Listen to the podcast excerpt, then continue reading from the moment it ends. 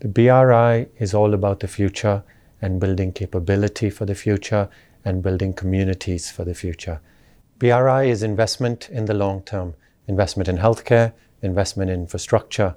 This in turn spurs economic growth, spurs innovation, and arguably is more important now than it ever has been in the recent past.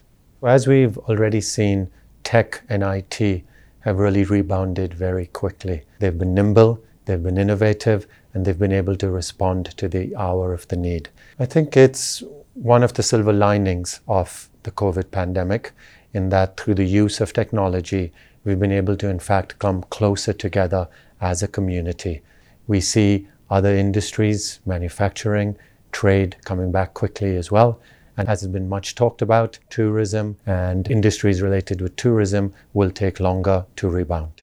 Reflecting on the last two days, we're able to get speakers from multiple geographies, from multiple disciplines that might not ordinarily have been able to be part of the two days filled with activity. So I think, in fact, as you look at it, it's something that's worked out very well, and the organizers have done a tremendous job lining up an exemplary line of speakers with great insights.